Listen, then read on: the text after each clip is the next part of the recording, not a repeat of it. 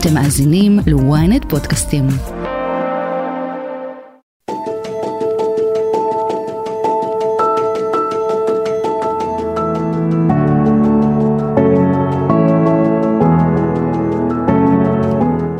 לכולם, אהלן, ברוכים הבאים לאספת הורים, פודקאסט ההורות שלנו כאן בוויינט. טכנאי השידור שלנו, איזה כבוד, נדב ברכה ועמרי זינגר. אה, אני אגר כוכבי, ולפני שנצלול לנושא התוכנית שלנו היום, יש לי שתי הודעות. הודעה אחת, אה, אני רק מזכירה, התבקשתי, אה, כנסו לספוטיפיי, לאפל או לגוגל, לכל מקום שאתם נוהגים ונוהגות להאזין לפודקאסטים שלכם, חפשו אספת הורים ועקבו אחרינו. ואם אתם גם שם אז אולי גם תדרגו אותנו. הודעה שנייה, אה, ביום רביעי 20 בספטמבר בשעה 7 בערב יתקיים אודיו צ'אט של אספת הורים עם הפסיכיאטר דוקטור אילן טל. כולכם מוזמנים אה, לבוא, לשאול, להקשיב, להאזין, לדבר אה, איתנו בשידור. יהיה ממש מעולה. ואם אתם מאזינים לפרק אחרי המועד אז חכו למועד הבא, הוא יגיע. טוב, אה, נושא התוכנית שלנו היום הוא העולם המונטסורי, אנחנו עומדים אה, לצלול אליו, נלמד על עקרונות הגישה, על הפילוסופיה שלה, איך היא באה לידי ביטוי, איך כל הדבר הזה יכול לעזור לנו אה, ביחסים עם הילדים, בכלל עם המשפחה ואולי גם עם עצמנו, נכון? ועוד דברים שבטח אני אלמד עליהם ממש עוד מעט. אני רוצה להציג אורחת סופר יקרה, שאני ממש שמחה שהיא הגיעה אלינו, היא מדריכה מונטסורית AMI, כותבת הבלוג עושים מונטסורי, וזו מיכל. מיכל אוליברו. היי. היי. תודה שהזמנת אותי. מיכל, ממש ממש תודה שבאת. אני עוקבת אחרייך, אני מאוד אוהבת את מה שאת עושה ואת עולמות התוכן שאת אה, מביאה איתך. תודה, תודה. אז בואי, אה, מה נעשה? נתחיל מההתחלה. כמו, כמו תמיד, ספרי לנו על עקרונות הגישה ועל הפילוסופיה שלה, משום שלי יש תחושה שהמושג הזה, מונטסורי, או בכלל הגישה הזו, היא מסוג המונחים שאנחנו שומעים עליהם, קוראים פה ושם, אבל אולי לא עד הסוף מבינים את המשמעות שלהם. לגמרי, בדיוק בדרך אמרתי שלמדת פילוסופיה, אז את יודעת כמה זה מורכב לה, להעביר למישהו אחר קונספט פילוסופי. ממש. או רעיון. אבל בוא ננסה.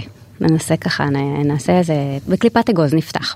אז הפדגוגיה המונטסורית זה בעצם, זה גישה חינוכית שפותחה על דוקטור מריה מונטסורי, היא הייתה הרופאה הראשונה באיטליה, או בין הרופאות הראשונות באיטליה, זה לא לגמרי ברור, אבל אי שם לפני 150 שנה היא נולדה, ובעצם למדה רפואה, בכלל הלכה לכיוון אחר, הייתה פסיכיאטרית, הייתה חוקרת מוח. והעבודה הראשונה שלה הייתה עם אה, ילדים שהיה להם כל מיני קשיים תפקודיים, אה, אז היה הכל ביחד כזה, גם קשיי קשב וריכוז וגם ילדים ממש עם, אה, עם כל מיני מוגבלויות יותר מורכבות. והיא עבדה איתם מהמקום הרפואי באיזושהי מרפאה, והיא גילתה משהו נורא מעניין. לא היה להם גירויים, שום דבר אפס, זאת אומרת לא סיפקו להם, התייחסו אליהם כחולים, mm-hmm.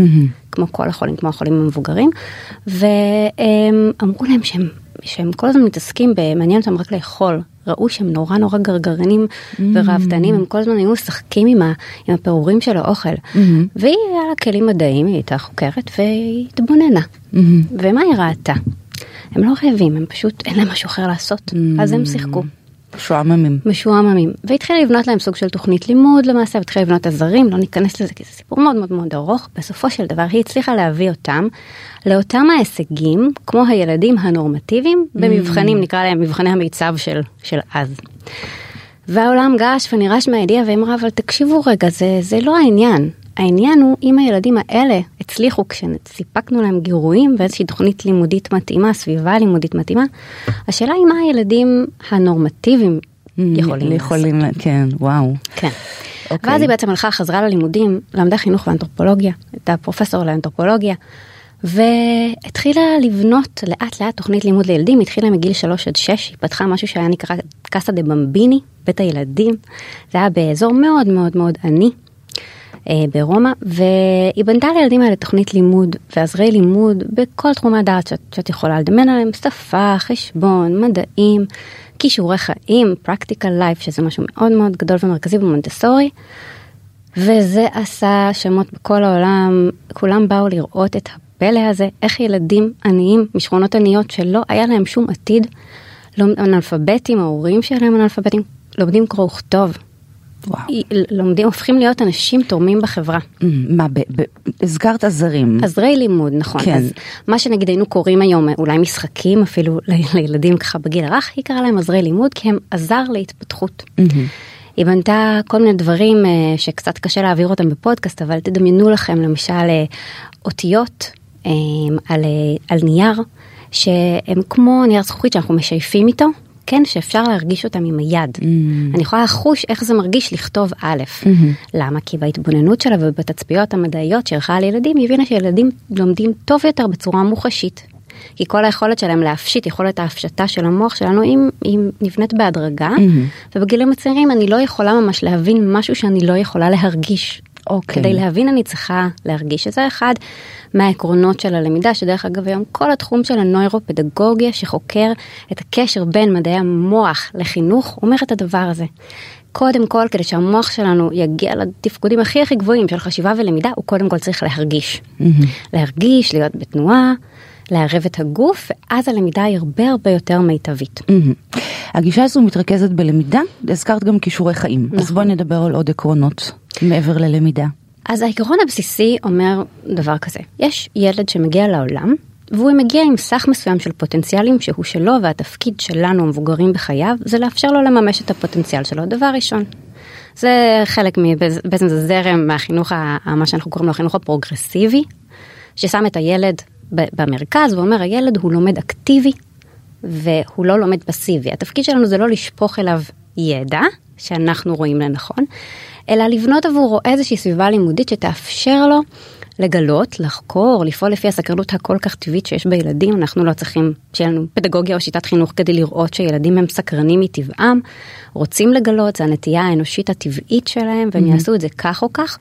ככל שהסביבה מאפשרת להם יותר התנסויות והתנסויות שמותאמות לשלב ההתפתחותי שלהם, כך הם יממשו יותר מהפוטנציאל שלהם, כי הם יגלו דברים שנגישים עבורם לגלות. אז הבסיס הוא יצירת סביבה לימודית, הבנה שהילד מגיע עם, עם פוטנציאל עצום, ואנחנו, התפקיד שלו זה לעזור לו, שלנו זה לעזור לו לגלות את הפוטנציאל הזה, ולכבד אותו שזאת העשייה שלו. אנחנו לא יודעים, היא קראה לזה The Secret of Childhood. Mm-hmm. אנחנו לא יודעים, זה סוד הילדות. כן. לא עלינו להגיד שאנחנו יודעים מי הילד הזה ומה הוא עומד להיות. זה mm. דברים שהוא בעצמו צריך לגלות. כן. את יכולה לתת לנו דוגמה איך הפרקטיקה הזו באה לידי ביטוי? Mm-hmm, בטח. אז בסביבה מונטסורית, שדרך אגב אפשר לעשות אותה בבית. כן, כמובן. כן, שזה לא משהו רק... מאוד מעניין אותי נכון. פה, אה, ללמוד איך מיישמים את הדבר בבית. כן. אז בסביבה המונטסורית, אם תיכנסי לסביבה המונטסורית, החל מתינוקות אה, פעוטות בני אה, שנה, ועד לבית בית, בית ספר יסודי, אנחנו נראה שיש מה שנקרא מעגל למידה, שזה איזשהו פרק זמן אצל פעוטות, זה נגיד שעה וחצי, שעתיים, אצל ילדים בוגרים יותר בגן, בבית ספר זה שלוש שעות ומעלה, שזה מעגל למידה לא מופרע. אנחנו לא מפריעים לילדים אה, לצלול לתוך עבודה.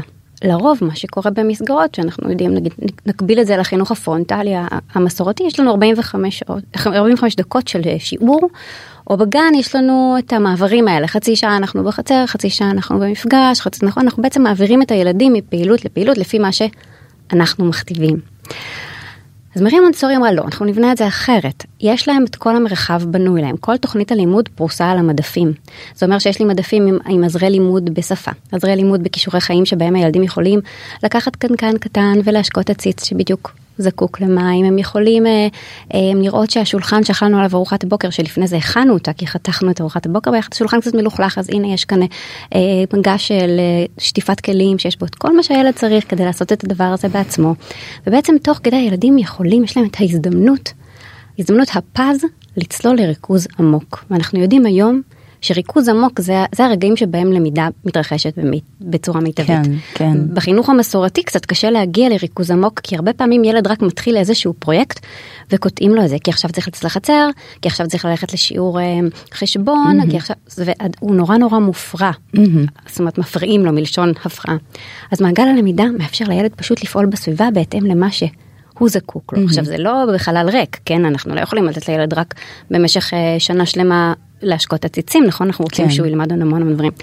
אז הכלי המרכזי של המדריך המונטסורי זה התצפיות. Mm. תצפיות שהן ממש מדעיות כי אנחנו לומדים לפי פרמטרים מסוימים על מה אנחנו מסתכלים ואיך לנתח את כל התחומים של הילד, קוגניטיבי, התנהגותי, חברתי, רגשי, מוטורי, אה, הכל אנחנו מסתכלים ויודעים להגיד איפה הוא נמצא בכל אחד מהתחומים. אז אני רוצה לשאול קודם, mm-hmm. כדי לוודא שהבנתי. לא, אני רוצה לשאול, האם מניסיונך הילדים משתפים פעולה תמיד עם הדבר הזה? זאת אומרת, ניתן לילדים מרחב, אה, כמו שאת אומרת, לא חלל ריק, שלוש שעות, יש ילדים שישתעממו, יתייאשו, יציקו. חד משמעית. Mm-hmm. דבר ראשון, יש גרף. אנחנו נראה בהתחלה יש את המעבר בין הבית לסביבה, למסגרת, רגע שנייה, אני מתאקלם. אחר כך אנחנו נראה שהם מתחילים לגשת לרוב לעבודות שהן יותר נוחות להם, נכון? אני לא ישר הולכת לאתגרים הגדולים, עכשיו את צריכה לערוך כתבה, תלכי רגע קודם שנייה רגע לכתבות שקצת יותר קל לך, ואחר כך תלכי לאתגרים הגדולים, נכון? אנחנו ממש רואים, בדיוק, אז אנחנו ממש רואים את זה, ואנחנו רואים במעבר, רגע לפני שמגיעים לאתגר הגדול, לריכוז העמוק, לדבר שמצמיח אותי וגורם לי לגדול היום, יש שם בדרך כלל איזשהו משבר, והתפקיד שלנו כמדריכים זה, זה להיות המתווך. זה בעצם לחבר, מונטסורי קרא לזה לחבר את הילד לסביבה. Mm-hmm. איך עושים את זה, ממש אפילו קרא לזה פיתוי, להראות לו איזה משהו ב, בהתרגשות רבה ולעורר בפנים את הסקרנות, ומרגע שזה קורה, שהזיק הזה קורה, לשחרר עוד פעם.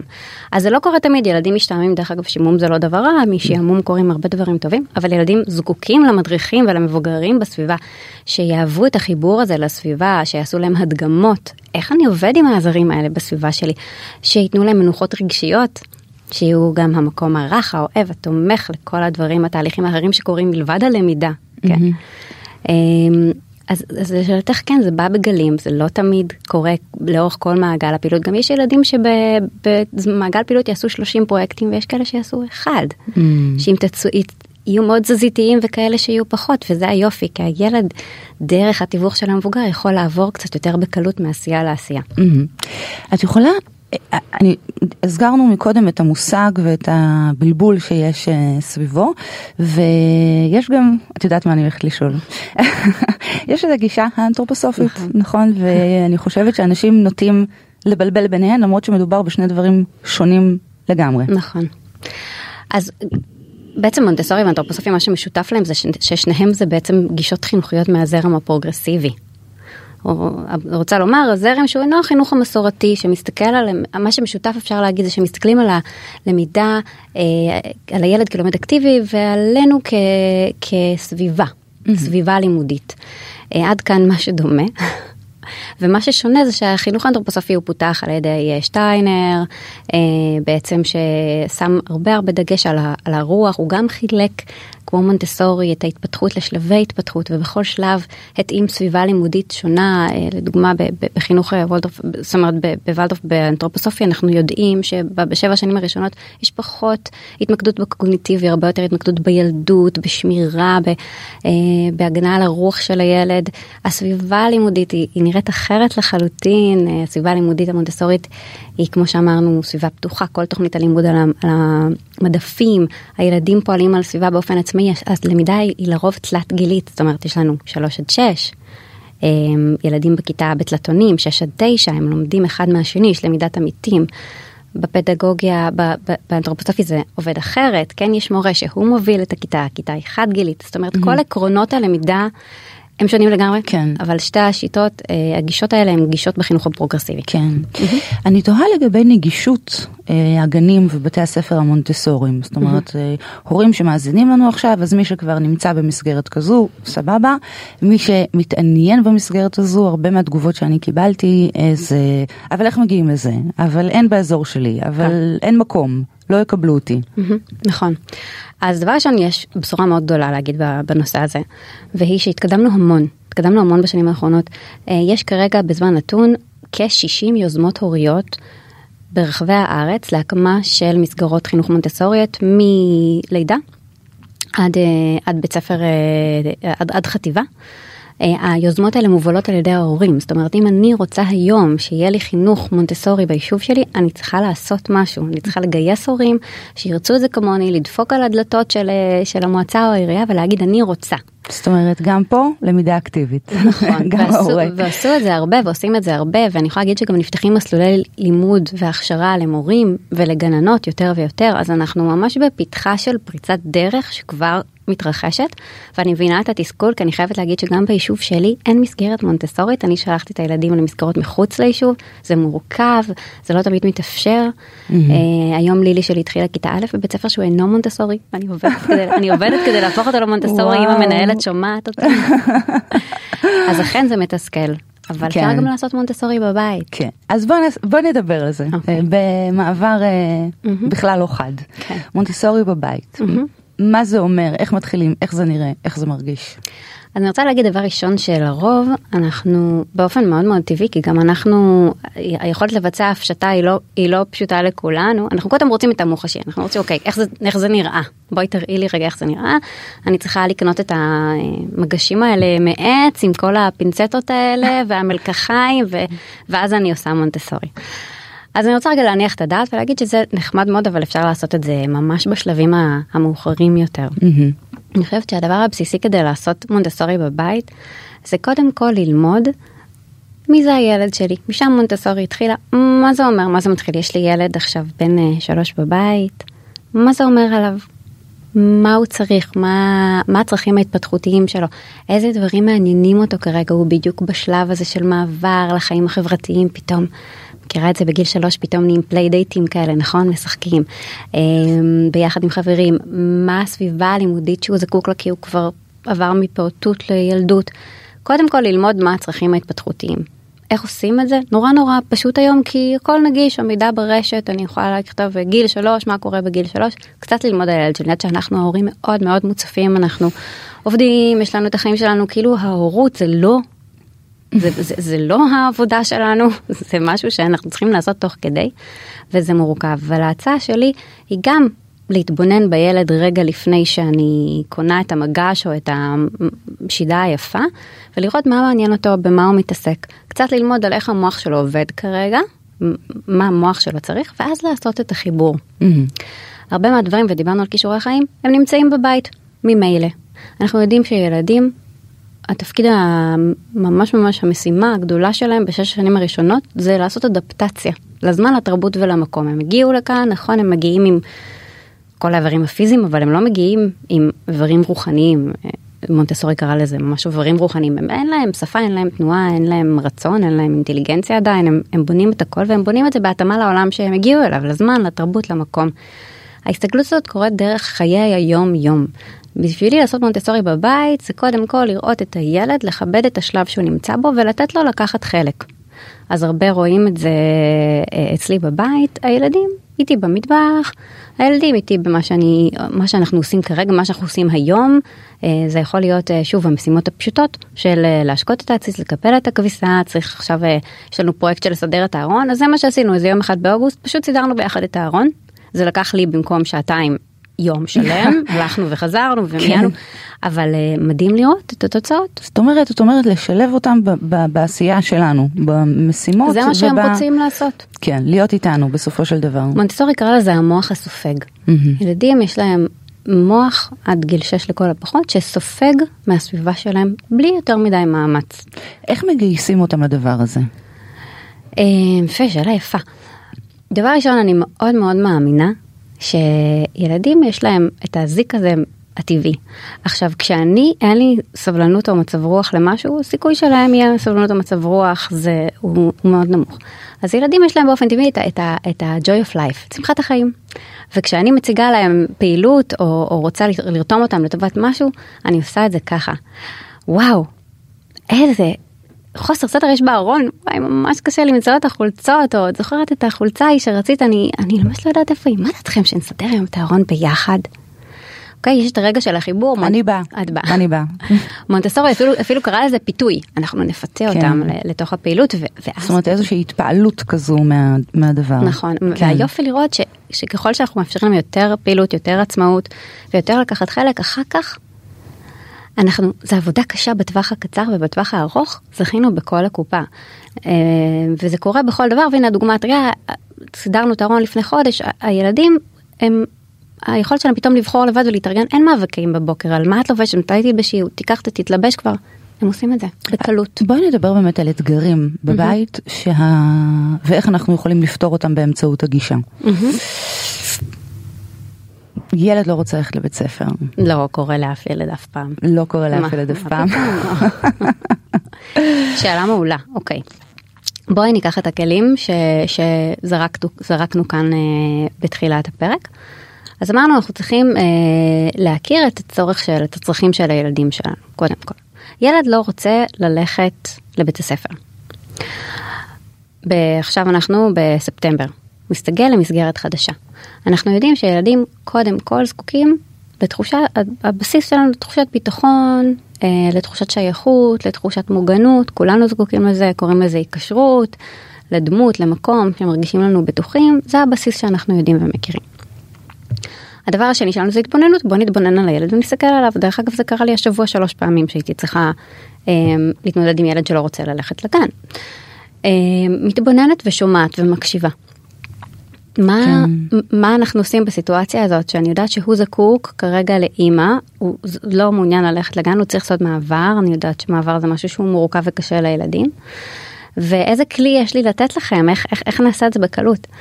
אז uh, הכלי המרכזי שאני יכולה לתת כאן זה do nothing. לשבת ליד הילד, להקשיב, לא, אני לא רוצה ללכת לבית ספר, אני לא רוצה ללכת לבית ספר, אני שומעת, אתה לא רוצה ללכת לבית ספר. את תשאירי אותי בבית היום, אני תישארי איתי. אני צריכה ללכת לעבודה, אני שומעת שאתה לא רוצה ללכת לבית ספר. בהבנה אמיתית, לא כן. כסיסמה. אה, ולתת לו רגע להיות שם.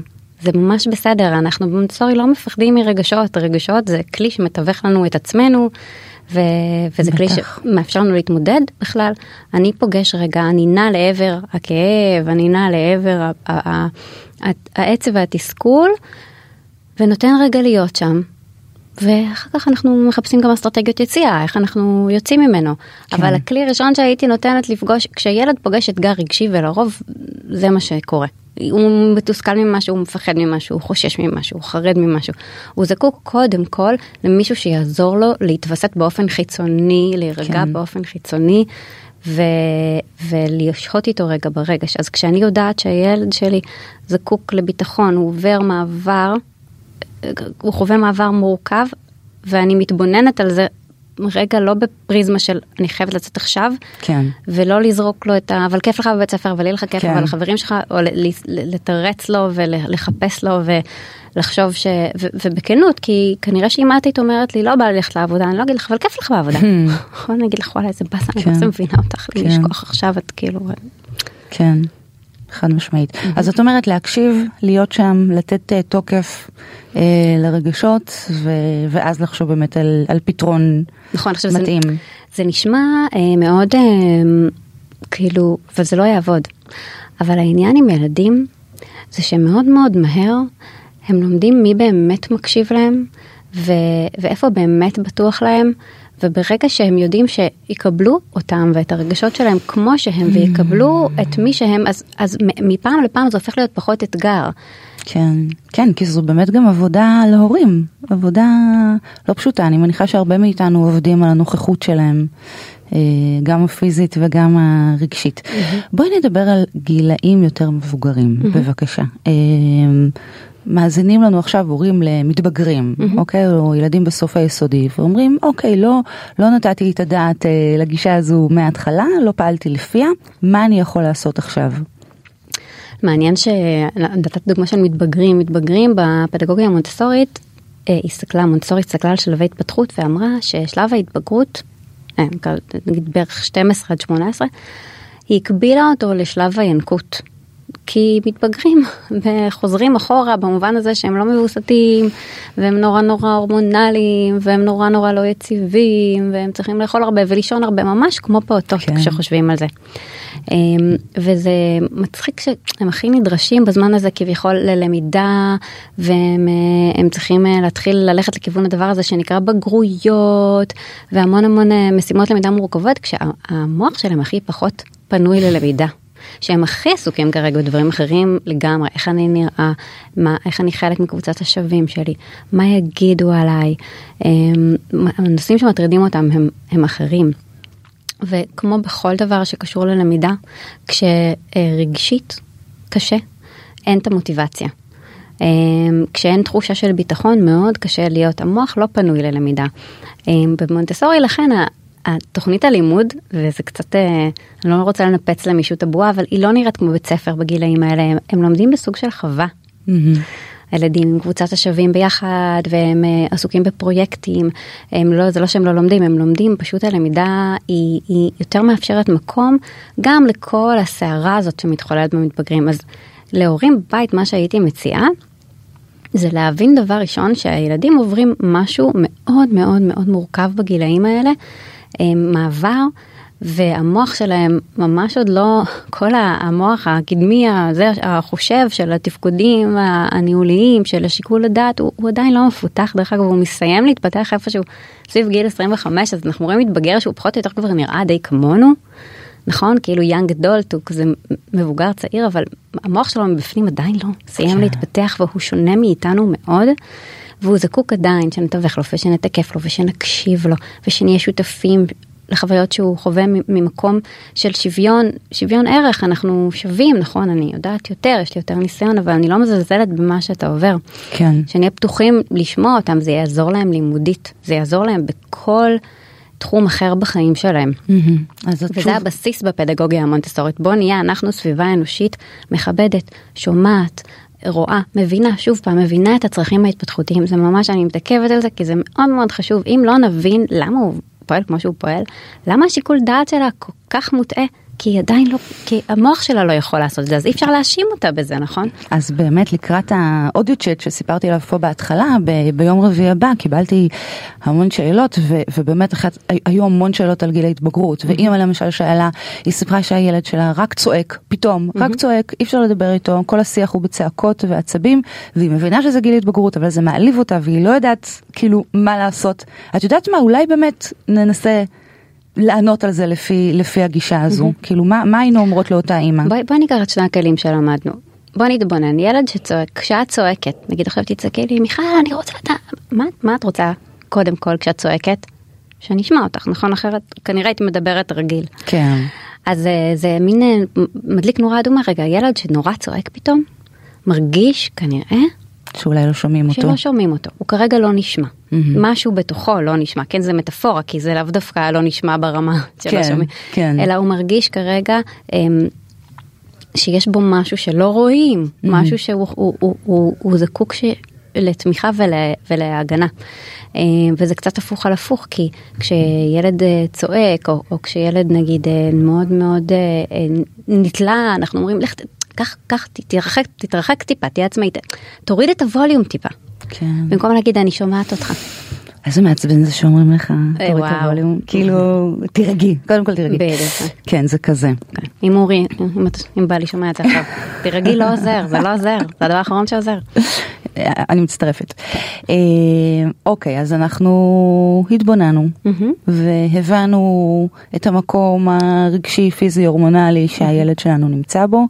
אה, ומה, לומר משהו, לשתף ברגשות שלנו, איך מתקדמים לעבר שינוי השיח בעצם? כן, אז באמת השלב הבא בעצם שאנחנו עושים כשאנחנו מזהים את המקום, את הקושי, את הבעיה, את המכשול, אנחנו קוראים לזה בפדגוגיה מנצרת, אנחנו מסייעים לה, להסיר אותו. זאת אומרת, העבודה שלנו היא כל הזמן על התאמת הסביבה הביתית, הרגשית, הלימודית והסרת המכשולים. אנחנו יכולים לעשות את זה רק כשאנחנו זיהינו את הקושי ואנחנו דרך ההתבוננות והידע שלנו על הילד, אוקיי? אז... אבל אני רוצה לתת לך דוגמה, סליחה שאני קוטעת כן. אותך. סיפור אמיתי, לא, לא אנקוב בשמות, אוקיי? ילדה בחטיבה. Mm-hmm. חטיבה רגילה, לא... כאילו, את יודעת, mm-hmm. נורמטיבית. אה, מרגישה שהמורים לא רואים אותה, צועקים עליה, היא לא הרגישה טוב, לא נתנו לה לצאת מהשיעור, היא רצתה לדבר איתי, לא נתנו לה, אה, עם אמא שלה. אה, וכן הלאה וכן הלאה. איך אני מגשרת כאילו על הפער הזה בבית? זאת אומרת, ואז היא מגיעה הביתה, ואני כן מציעה לה איזשהו מרחב אחר, שהוא כן מכבד ומקשיב ונותן ביטחון. אבל אז היא שוב חוזרת לאותה מסגרת שלתחושתה לא רואה אותה ולא מקשיבה. כן, אז הרבה, הרבה פעמים מה, מה שההורים יעשו זה הם ירימו טלפון, נכון? בעצם הרימו טלפון, יגידו, היא אומרת שככה וככה וככה, ובבקשה תיתנו לה ככה וככה וככה. עכשיו, מה שעשינו בזה, זה בעצם אה, נתנו לה את הדגים את הפתרונות, נכון? אבל לא נתנו לה את החכה. ואני חושבת שאנחנו צריכים בעדינות, שוב, לנוע על הציר בין לשמור על הילדים כל הזמן, להגן עליהם, לרחף מעליהם, כי באמת בתוך מערכת שהיא מערכת מאוד מורכבת, מערכת שנמצאת בהישרדות הרבה פעמים, אנחנו רוצים לשמור עליהם. זה צד אחד של הציר, והצד השני זה לתת להם כלים לשמור על עצמם. לתת להם כלים ללמוד איך אה, לתווך את הסביבה שלהם, איך לתווך את הצרכים שלהם. אז אה, הדבר הראשון זה לנהל על זה שיח, מה עשית? אני רוצה לשמוע, מה עשית? מה עזר לך, מה לא עזר לך, מה את חושבת שיכולת לעשות? בואי נחשוב ביחד. מה היית רוצה שאני אעשה עכשיו אנחנו נורא במקום בדרך כלל שנותן עצות אז כן. רגע רגע לפני המקום שנותן עצות בוא, בוא נעזור לילד לפתח את אותו אזור ש, שאחראי על שיקול דעת ועל תפקודים ניהוליים ולראות איך הוא יכול להתנהל טוב יותר בפעם הבאה. כי, כי ילדה שמרגישה שלא הקשיבו לה ותיגש למורה ותגיד לה אה, הגר מורה אני, אני רוצה לדבר איתך בסוף השיעור אני הרגשתי אה, רציתי נורא לשירותים ואני לא יודעת בדיוק זה לא התאים שאני אצא אז אולי נוכל לדאוג לאיזושהי דרך אחרת ובואי נפתור את זה ביחד אני לא רואה מורה שלא תסתכל עליה ויגיד וואו בואי בואי נפתור את זה ביחד. בטח. אז אני חושבת שזה לנוע על הציר הזה בין לשמור עליהם ולהגן עליהם לבין לתת להם את הכלים להגן על עצמם אה, לנהל איתם על זה את השיח הפתוח. במקום שמבין שהילד מונטסורי אומרים follow the child לך אחרי הילד אחרי מה שהוא צריך כמוביל דרכו, להוביל אותם בדרך הזאת אה, באופן אה, אקטיבי פסיבי, אקטיבי כן. פסיבי. זה... מעניין, באמת מעניין, ואני מרגישה שאני לומדת המון. אה, אני רוצה לדבר רגע על ההורים עצמם. את יודעת, היום יום שלנו באמת עמוס מלא במשימות. אה, את אה, כבר, כן, מזדהה. כן. באמת, אין לנו זמן בקושי לעצמנו, המון המון דברים לדאוג להם. אה, וכאן אנחנו מדברות על משהו שדורש כמובן השקעה וזמן אה, ואנרגיות. אה, מה, מה אנחנו יכולות לומר להורים כאילו בדרך לאימוץ הגישה הזאת? יש לי פינה בבלוג, באינסטגרם, שקוראים לה קייזן. קייזן ביפנית זה שיפור מתמיד. שזה בעצם אומר אנחנו כל הזמן מסתכלים על מה שקורה זה הגיע זה מגיע מתורת טויוטה, בכלל מהמפעלים, אנחנו מסתכלים על מה שקורה במפעל, על כשלים, וחושבים איך אנחנו יכולים לתקן כל הזמן לפעם הבאה. ולי ולאורי בן זוגי יש הרגל כזה לעשות קייזן, קייזנים על דברים שקורים לנו בבית. המשמעות היא, שימו לב, שאני נכשלת המון בהורות שלי. גם עם כלים וידע מקצועי שיש לי, זה, זה, זה ממש לא סוגר פינה. אני נכשלת המון ברמה היומית, אומרת את הדברים הלא נכונים, מתנהלת בסיטואציות לא נכון, מעליבה את הילדים שלי, לא מקשיבה להם, יודעת שהם צריכים לפרוק את, ה, את כל הכעס והתסכול ואומרת די בואו נירגע, אוקיי? זה קורה לכולם. ובפינה הזאת אני בעצם מעלה כשלים שקרו לי, אמ, ורגעים שהתנהלתי בהם לא נכון אבל כי החיים קורים ואנחנו עמוסים. ועצרתי אחר כך וחשבתי מה יכולתי לעשות אחרת בדרך כלל כשעושים את זה עם עוד מישהו זה יותר קל, בגלל זה אנחנו עושים את זה הרבה פעמים ביחד, ואיך אני לומדת לפעם הבאה. Mm-hmm. היכולת ללמוד מהכישלונות שלנו היא מה שגורם לנו לא לחזור עליהם שוב. בסוף אנחנו לא יכולים להגיד כל הזמן שקשה וקשה וקשה בלי שניקח איזושהי אחריות. אני חושבת שאנחנו צריכים לעבור גם בהורות שלנו טיפה מהמקום של רגשות האשם שמלווים אותנו המון כי אנחנו לא מספיק בבית, כי אנחנו לא מספיק עושים מונטסטורי, כי אנחנו לא מספיק הורים היקשרותיים, כי אנחנו לא כל הדברים האלה. נכון, אנחנו לא, העולם שלנו מורכב, אבל אם ננוע רגע, לפעמים, מלהיות אשמים, להרגיש אשמה על זה, למקום של אחריות, שלוקח על זה responsibility, את היכולת להגיב, יהיה לנו קצת יותר קל, כי ידע זה כוח, אין מה לעשות, צריך ללמוד כדי לדעת איך להתנהל נכון. כן. והרבה פעמים גם מספיק ללמוד מתוך המעגל הפנימי שלנו. כן. אם היינו עושים את זה ואת זה אחרת נותנים לה קודם לשים את הנעליים לפני שהיא אכלה את האקטימל ואז הוא לא היה בדיוק נשפך לה על הנעל אז כאילו אולי לא כל השיחה הזאת של עכשיו אין לי נעלי ספורט לשיעור ספורט כל האקטימל שלי על נעלי ספורט. כל כך צודקת. אז היה יותר קל פעם הבאה אז פעם הבאה תנו אקטימל לפני שנועלים נעליים. זהו סגרתם פינה. סגרנו פינה זהו יש לי כותרת לפודקאסט. אה, מיכלי אנחנו אה, מתקדמות עם הזמן אה, משהו נוסף שתרצי לומר בהקשר הזה להורים באשר הם אם לא נעבור לפינה.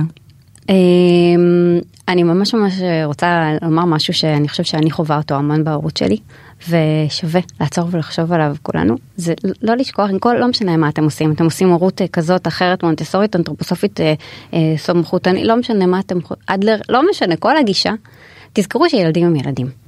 וככל שאנחנו נזכור שהם ילדים ונתחבר למקומות הילדיים שבאנו, שאני זוכרת כשהייתי ככה, שאני זוכרת שלי היה נורא חשוב הביצת הפתעה של קינדר עם ההפתעה שנעלמה, ועכשיו למה זה למה זה קרייסס שלא מוצאים אותה זה כולה ביצת קינדר מה, לא לי זה חשוב כי כשהייתי ילדה זה היה לי חשוב. כשנתחבר למקומות הילדיים שלנו יהיה לנו קצת יותר קל להבין את הילדים שלנו גם בלי פדגוגיה ופילוסופיה. ו... כן כן מדהים אנחנו. אני חושבת שזו עצה מדהימה גם לעצמנו בלי קשר להורות ככה נכון. להתחבר uh, לילד הפנימי סבבה אז נשמע עוד ונמשיך. מאלף ועד תף, לקסיקון האורות הגדול. קטן. אני מונה את האותיות א' ב' בלב ארץ עיר תעצרי אותי כשאת רוצה, אוקיי? א', סטופ. כ', הגענו לאות כ'. אז איזו מילה, מיכל יקרה, עולה בך בראש באות כ'? כבוד. יפה. אז מה זה כבוד בשבילך? תאמרי בשתי מילים. וואו, כבוד בשבילי בהורות זה לראות את הילד שלי כשווה אליי, לא לחשוב שאני תמיד יודעת כי התשובות לא תמיד אצלי, לכבד אותו כאדם שלם, אה, ואני חושבת שזה פותר כל כך כל כך הרבה מהקשיים שלנו, אם רק נכבד אותם קודם, כי התחושה שמכבדים אותך, את יכולה להתחבר על זה בטח, היא וואו, היא פרייסלס, היא, היא, כן. אין, אין, לה, אין לה שנייה, לתחושה שנותנים לך כבוד רק בעבור מי שאת. מיכל אוליברו, איזה סיום מדהים. אה, אני רוצה ממש להודות לך, אני למדתי ממך המון, ואני חושבת שגם הורים אחרים אה, ילמדו. אה, תודה על הידע. תודה. ממש. זהו, וואו. תודה לטכנאים שלנו. השניים האלה שם, לנדב ברכה ולעמרי זינגר.